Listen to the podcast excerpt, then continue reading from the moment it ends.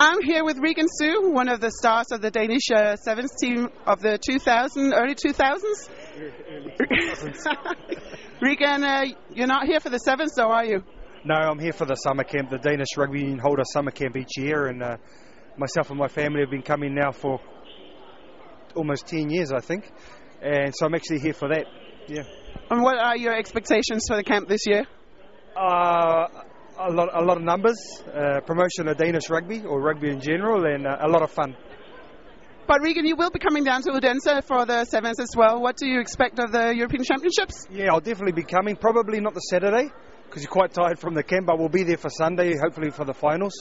Uh, I'm looking forward to it because I haven't been involved in this um, championship for a long, long time now as a player or a coach, so I'm looking forward to it. As for teams, obviously, I know uh, I know England will be there or thereabouts. Uh, and I'm hoping my old team Denmark will be there or thereabouts. I'm looking forward to seeing them and catching up with some old faces and friends.